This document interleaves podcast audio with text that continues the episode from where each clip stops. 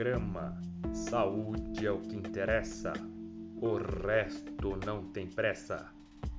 Este podcast é um oferecimento do curso de graduação em medicina da Universidade Brasil, promovido pela disciplina de Políticas de Saúde, Legislação e Organização do SUS, ao saudoso mestre professor André Lozano.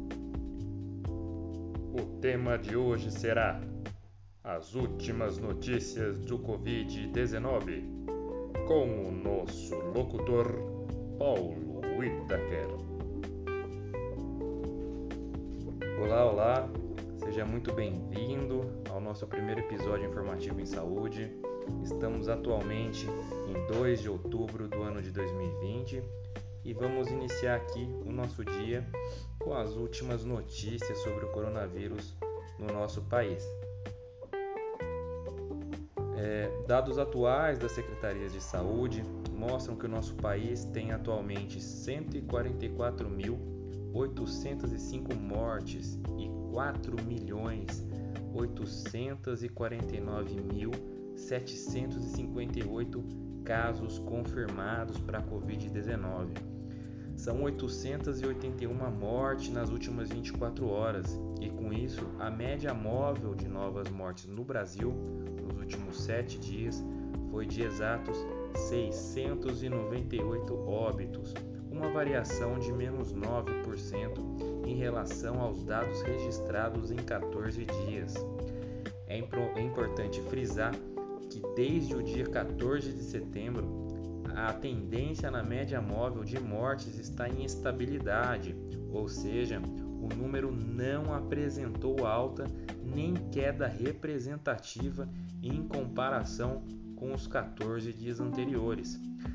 Antes disso, o país havia passado por um período de uma semana seguida com tendência de queda no registro de mortes por Covid-19. A média móvel de novos casos foi de 26.859 por dia, uma variação de menos 12% em relação aos casos registrados em 14 dias, ou seja, também encontra-se na faixa que aponta estabilidade.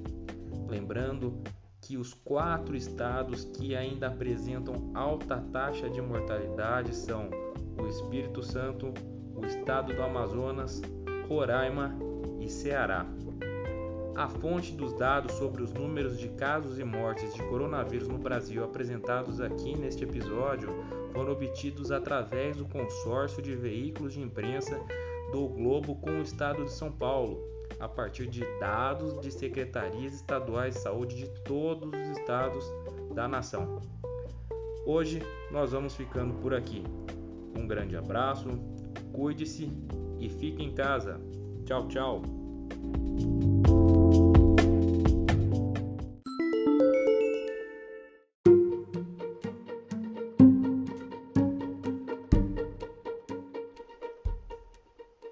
Dicas de prevenção do coronavírus.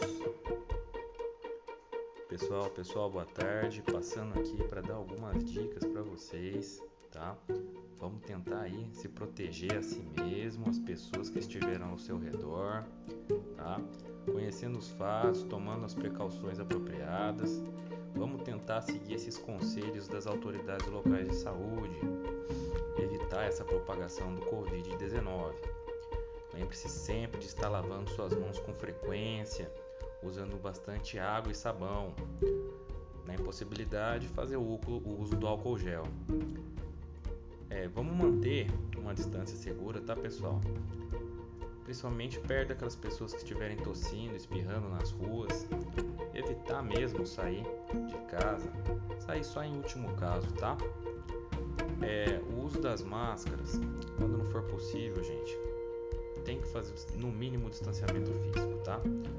Evita tocar nos olhos quando estiver nas ruas. Evita tocar no nariz, na boca Cubra sempre seu, o seu próprio nariz e a sua boca com o braço dobrado, tá? Tem que ser dobrado. De preferência, se você tiver um lenço, isso quando você estiver tossindo ou espirrando.